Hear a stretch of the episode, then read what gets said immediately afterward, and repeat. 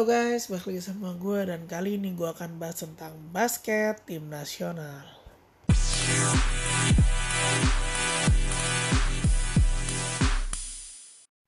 Oke geng, sekali ini gue mau bahasnya tuh dari basket tanah air ya. Jadi uh, beberapa hari yang lalu, tepatnya seminggu yang lalu, nggak nyampe seminggu sih, eh nyampe deh pas seminggu yang lalu, uh, timnas basket putra itu udah mengumumkan siapa aja pemain-pemain yang akan uh, ikut di window kedua kali ini untuk kalau nggak salah lawan Thailand dan lawan Korea.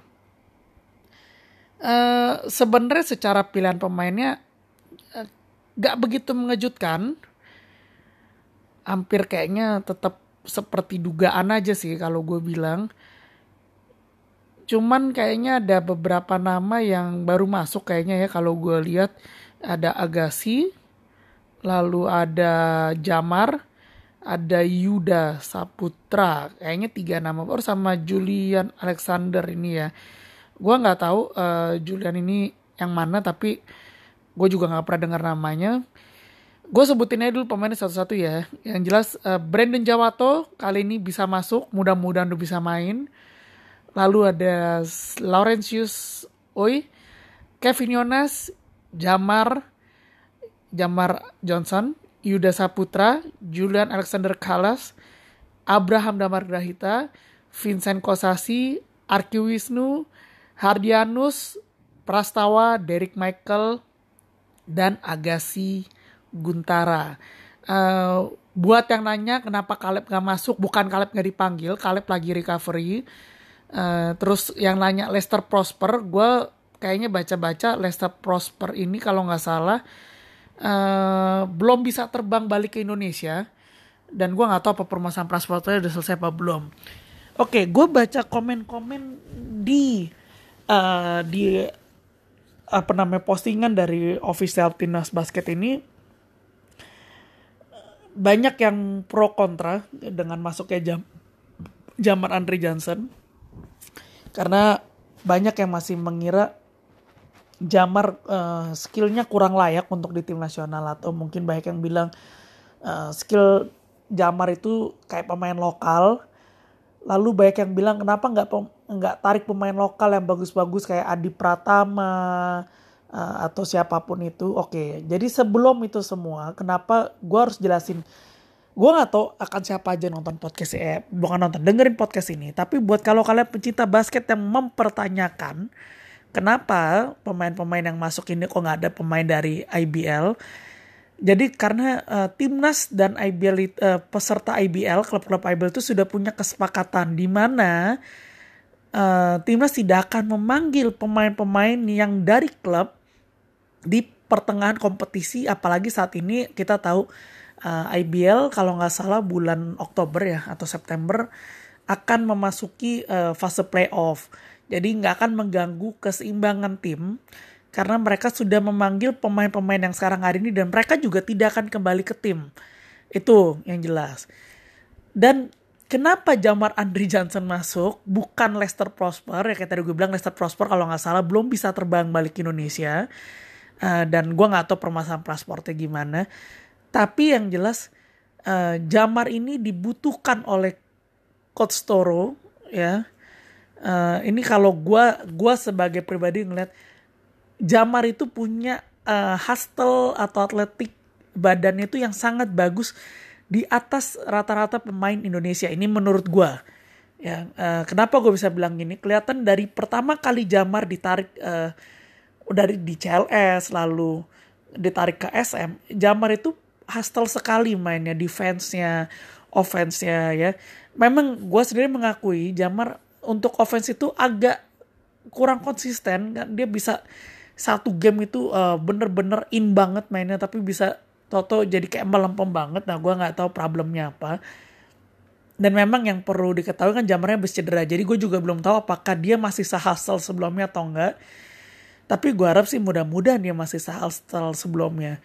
Dan uh, pilihan pemain ini gue bilang bukan buruk. Gue bilang ini terbaik yang ada yang tersedia uh, mengingat karena ada aturan uh, ada perjanjian dengan klub-klub IBL jadi menurut gue ini pemilihan yang tepat. Dan uh, memang dengan outnya Caleb mungkin akan sedikit uh, beda gaya main. Tapi gue gue berharap gak akan jauh-jauh. Karena gue kemarin sempat nonton uh, maksudnya gue replay lagi waktu lawan Filipina waktu lawan Korea. Praktis sebenarnya uh, Caleb berfungsi baik di di tim tapi memang kelihatan Indonesia sangat membutuhkan Abraham Damar ya. Uh, karena Abraham Damar ini memang uh, kalau gue bisa bilang ajaib mainnya. Dan kalau gue boleh nge-review permainan yang lalu-lalu di Indonesia memang uh, Indonesia untuk di defense sangat kurang. Pertama sangat mudah dieksploitasi di uh, ininya di defense-nya uh, di defense-nya tuh karena praktis dengan tidak adanya Leicester Prosper kan kemarin uh, hanya ada si Vincent dan Kevin Jonas ditambah. Lawrence Joshua kemarin kan lagi cedera. Lalu Derek Michael masih uh, terlalu muda dan kemarin juga menit bermainnya kan sangat dikit gitu. Jadi dengan masuknya Jammer gue sih berharap banget memang defense Indonesia akan sangat terbantu apalagi perlu ketahui uh, kita juga akan lawan Thailand di window kedua ini. Jadi ada Korea dan Thailand. Gue berharap waktu lawan Thailand nanti uh, Jamar bisa sangat menutup uh, Taylor Lamb. Kenapa gue bilang harus bisa nutup? Karena kan uh, gue nonton berapa kali ketika Taylor Ram ketemu Jamar tuh dia sangat kesulitan. Maksudnya gak semudah ketika dia lawan Indonesia di SEA Games kemarin. Jadi gue berharap uh, Jamar nih di waktu lawan Thailand dia bisa sangat fit banget buat defense-nya. Tapi gue juga berharap Brandon Jawa tuh bisa main karena uh, Brandon Jawa tuh bisa mengisi kekosongan yang ditinggal Caleb. Dan gue setengah terkejut uh, Agassi masuk Agas ini cukup masih muda juga, cukup masih muda dan uh, eh, IQ basketnya itu juga tinggi banget ya. Jadi gue berharap juga Agas ini bisa bisa bagus mainnya. Uh, jujur gue yang gue nggak tahu tuh Julian itu gue nggak nggak tahu basicnya dari mana. Maksud gue gue jarang denger namanya. Jadi sorry sorry sorry aja nih dan Yuda Saputra, gue seingat gue Yuda Saputra ini jebolan ITHB atau bukan ya? Gue gua nggak tahu ya. Seingat gue apa apa dari PPOP gue juga nggak tahu. Tapi maksud gue ya mungkin yang tambahan-tambahan ini uh, untuk dipersiapin mental aja buat berikutnya. Jadi kalau gue boleh nge-review permainan Indonesia ini uh, bisa dibilang gaya yang dipakai coach yang sekarang ini kan beda banget dari coach-coach sebelumnya. Baik uh, coach Victor Oring lalu coach Cacing ya kan? Agak beda lah stylenya dengan coach yang Indonesia. Dan dengan permainan yang mengutamakan maksudnya benar-benar uh, seorang point guard itu benar-benar memainkan peran yang sangat vital gue berharap di sini dua point guard uh, yaitu Prastawa dan Hardianus memang harus meminimalisir uh, turnover. Terutama gue kemarin lihat beberapa kali kalau dari Hardianus gue memang ada passing yang sedikit maksa jadi akhirnya turnover. Kalau Prastawa gue akui dia memang punya shoot three point yang bagus tapi kadang-kadang Prastawa terlalu memaksakan untuk main shoot dari long range gitu loh jadi uh, gue harap dua-dua ini bisa bisa meminimalisir apa yang menjadi uh, problem mereka. Dan gue yakin kan uh, selevel tim nasional kan pasti uh, ada sesi mereka nonton pertandingan sebelumnya untuk nge-review bagaimana mereka dibobol uh, pertama mereka dibobol dengan begitu mudah bagaimana turnover mereka terjadi. Itu kan mudah-mudahan pasti ada lah gue yakin. Jadi supaya mereka melihat bahwa kesalahan-kesalahan mereka ini bisa diminimalisir. Uh, untuk dua playmaker jelas itu yang yang yang gue kasih catatan banget. Untuk big man, gue sebenarnya bukan nggak suka Kevin Yonas, tapi gue kadang tuh nonton Kevin Yonas mau di SM mau di tim nasional tuh, gue kadang berasa agak kurang greget gitu loh Kevin Yonas main tuh. Dia oke sebagai seorang big man dia punya shoot yang bagus, tapi kadang kan tuh kurang greget kalau gue bisa bilang ya kurang kurang greget aja mainnya uh, sama juga Vincent Kosasi bukan kurang greget ya kurang kenceng mungkin mainnya. Jadi gue harap mereka berdua bisa improve sekali di situ. Lalu untuk uh, untuk Caleb karena nggak ada. Untuk Abraham Damar Greta, gue berharap Abraham Damar tuh on fire dari menit pertama, dari detik pertama, tip ball langsung on fire tuh gue berharap banget. Karena ketika Abraham Damar Greta ini uh, on fire, itu bener-bener kemarin gue nonton uh, waktu lawan Korea, waktu lawan Filipina, itu bener-bener pemain Indonesia tuh bisa bisa lebih bisa lebih cair gitu loh, bisa lebih gampang. Dan gue pengen semua pemain Indonesia tuh ngototnya sengotot Abraham Damar. Itu yang gue pengenin banget.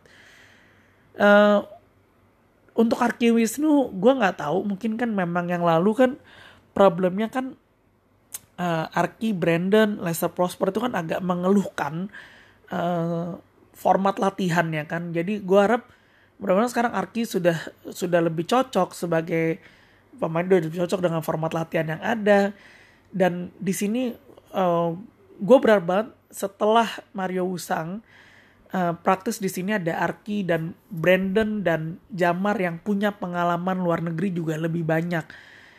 Jadi gue berharap Arki ini bisa mimpin teman-temannya, uh, rekan-rekan setimnya untuk fight, untuk uh, lebih uh, lebih power mainnya. Intinya sih gini, gue sebagai sebagai supporter Indonesia, gue eh, berharap menang pasti, tapi gue pengen Indonesia tuh main fight main yang mati-matian gitu loh karena ketika udah mati-matian main fight abis-abisan uh, kalah menang itu gue lebih ngeliat itu urusan kedua ketika kita udah kasih sampai titik darah penghabisan itu bener-bener kita sudah berikan yang terbaik untuk timnas. Dan uh, untuk pemain yang dicoret gue nggak gitu kaget. Hardian Wicaksono dicoret ya gue nonton dari si games juga agak kurang. Jujur aja gue harus ngomong. Dan gue kali ini juga berharap sekali Brandon Jawato dan Jamar bisa jadi dua pemain kunci yang eh, nggak uh, ketebak mainnya. Karena gue berharap banget ya Brandon dengan shoot dan uh, hustle-nya dia juga saat offense lalu juga Jamar hustle di defense ini penting banget mereka berdua akan jadi kunci baru di Indonesia jadi praktis kalau gue bilang uh, pemain itu dan untuk Derek Michael, Yuda Saputra dan Julian gue nggak gue nggak tahu apakah apakah mereka akan dapat minute play yang cukup banyak. Uh, tapi apa pun itu gue berharap mereka bisa habis-habisan juga. Memang mungkin akan ada uh, sedikit level di atas mereka, tapi gue berharap ini menjadi sebuah uh, apa ya tantangan lah buat mereka. Karena kalau nggak salah kan juga Derek Michael akan main di elite, eh, maksudnya di tim junior kan kalau gue nggak salah inget jadi mudah-mudahan juga mereka bisa fight abis-abisan uh, terakhir nih gue jujur seneng banget sama pemain ini Lawrence Yusui. Uh, gue nonton gue tahu Lawrence Yusui ini dari dia masih di UPH gue nonton di mana gue liat memang dia uh, dulu di UPH tau gue mainnya power forward eh, power forward mungkin ya dan center. Memang dia main di big man. Dia ini tipikal uh, big man yang gue seneng karena otak jalan, otot jalan gitu. Di mana kebanyakan uh, big man big man itu kan banyak ngandelin power banget. Dan si Lawrence ini punya otak yang IQ yang sangat tinggi dan uh, mungkin powernya gue nggak tahu sekuat apa tapi dia selalu bisa fight di bawah ring. Nah ini yang gue uh, kemarin kan Lawrence juga nggak main. Mudah-mudahan sekarang bisa bagus yang perlu diingat Lawrence Yusuf itu punya uh, medium shoot yang sangat bagus karena dulu gue pernah nonton dia dia punya medium shoot tuh bagus. Gue harap Lawrence Yusuf kali ini bisa main uh, juga fight mati-matian. Gue berharap banyak di tim di timnas kali ini. Mungkin lawan Korea Selatan gue nggak tahu akan hasilnya gimana, tapi gue gue yakin dengan tim ini lawan Thailand harusnya bisa menang. Uh, Indonesia harus mati-matian lawan Thailand, terutama juga harus balas kekalahan di SEA Games dan uh, kalau gue kemarin lihat permainan Indonesia ini, Indonesia tuh punya shooter yang tajam-tajam.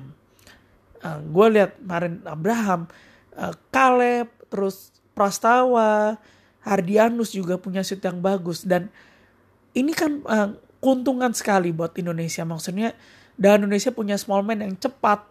Dan ini mereka bisa punya shooter yang bagus. Tinggal bagaimana nanti uh, pemain-pemain jangan gerasa gerusuk jangan terburu-buru buka ruang dapet shoot.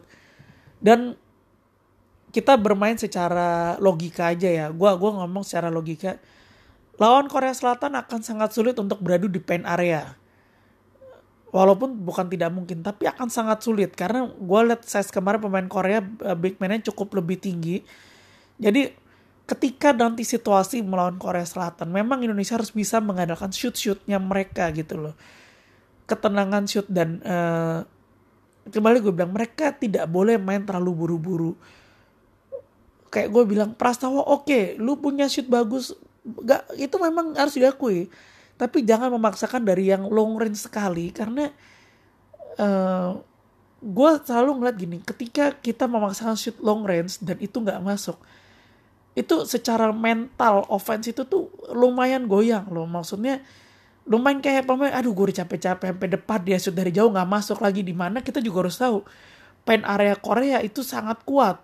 Uh, dia punya ses yang lebih dari pemain-pemain Indonesia jadi kita harus bayang ketika kita mau nge-shoot itu harus kita yakin bahwa ini inilah range kita shoot. Jangan maksain dari range yang terlalu jauh karena eh gue pernah jangan kayak gitu. Tapi ini range kita. Dan ketika range kita kita lebih pede. Karena sangat berat loh. Di penara itu akan sangat berat. Beradu. Bukan nggak mungkin tapi sangat berat. Dan gue nggak tahu uh, di defense. Kalau kemarin gue lihat terlalu gampang bobol uh, karena juga waktu pas lawan Filipina Filipina tuh juga dia sangat berani pemain-pemainnya main ke pen area Indonesia dan terlalu terlalu gampang fall dan ini yang juga PR maksud gue buat buat Indonesia. Jangan terlalu mudah fall lah.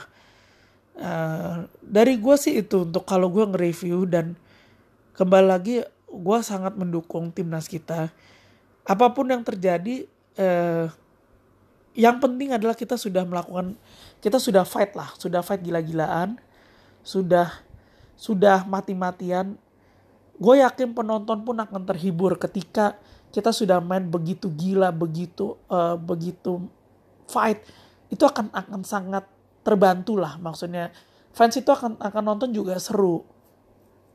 Dan buat uh, so, siapa pun yang komen di luaran sana yang komen tentang ini timnas yang lawan pemain college Filipina aja kalah segala macam. Kalian mesti tahu ya, Filipina itu basket itu tuh udah kayak budaya kayaknya kalau menurut gua. Mereka tuh kalau nggak salah eh, liga basketnya aja tuh udah beberapa beberapa level gitu. Di sana basket tuh begitu ditunjang. Ditambah mereka itu uh, karena aturan di mereka itu pemain uh, keturunan tuh kalau nggak salah warga negara bisa dua. Jadi mereka tuh dengan mudah gitu loh punya pemain-pemain itu. Dan Filipina memang kita sudah kenal negaranya seperti apa. Dan Indonesia saat ini kan sedang membangun tim. Sedang membangun uh, kultur basket yang tinggi juga. Harus sabar lah karena kita juga liga mahasiswa baru berapa tahun ada sih liga pelajar juga baru berapa tahun ada. Sekarang di liga utama pun hanya ada IBL. Belum punya liga secondary-nya gitu loh. Kalau di NBA ada G League-nya gitu kan. Paling kita jatuh-jatuhnya ada divisi. Tapi divisi itu juga bukan so, uh, bukan profesional basketball di sana. Jadi tolonglah yang komen ini tahan dulu uh, komen kalian yang gua rasa kalian juga tidak lebih jago daripada pemain-pemain yang di lapangan. Jadi kalau kita tidak bisa membantu di lapangan, paling nggak membantulah dengan memberikan komentar positif. Jangan dijatuhin terus gitu. Ini menurut gue dan semoga siapa pun yang dengerin ini terpacu untuk kita dukung Indonesia. Uh, ini akan menjadi misi yang tidak mudah bagi Indonesia untuk bisa lolos ke Piala Dunia. Tapi apa salahnya kalau kita mendukung timnas kita untuk mati-matian main? Sama kayak kita nonton timnas bola kita mati-matian main. Ayo kita dukung kita support yang terbaik. Saat ini timnas lagi pemusatan latihan di Bandung kalau gua nggak salah. Apa udah balik apa belum? Dan uh, kemarin kalau gue lihat di YouTube channelnya Rocky Padilla uh, kalau nggak salah coach uh, Reko Toroman itu udah bisa mendampingi, berarti udah selesai masa karantinanya. Ya kita berharap yang terbaik lah. dan buat yang nggak tahu kalau gue nggak salah inget uh, Indonesia itu bisa lolos dengan predikat peringkat tiga terbaik di grup kalau gue nggak salah jadi kita harap Indonesia bisa lolos lalu masuk ke 8 besar supaya bisa masuk ke Piala Dunia simple aja kalau ngomong kemarin Asian Games Indonesia mainnya babak belur eh mesti inget juga lawan Indonesia di sana ada Cina ada Korea ada Jepang itu bukan lawan yang mudah. Mereka udah langganan Piala Dunia dan size mereka pun di atas kita. Jadi jangan bandingin yang di sana sama sekarang. Dan uh, ya tolonglah, maksudnya sekarang kita punya tim nasional, kita dukung yang ini, kita nggak usah ingat-ingat lagi yang lalu kalah dari siapa dari siapa. Kita lakukan yang terbaik aja buat Indonesia. Udah itu aja dari gue. So thank you yang buat dengerin. Semoga basket Indonesia semakin maju.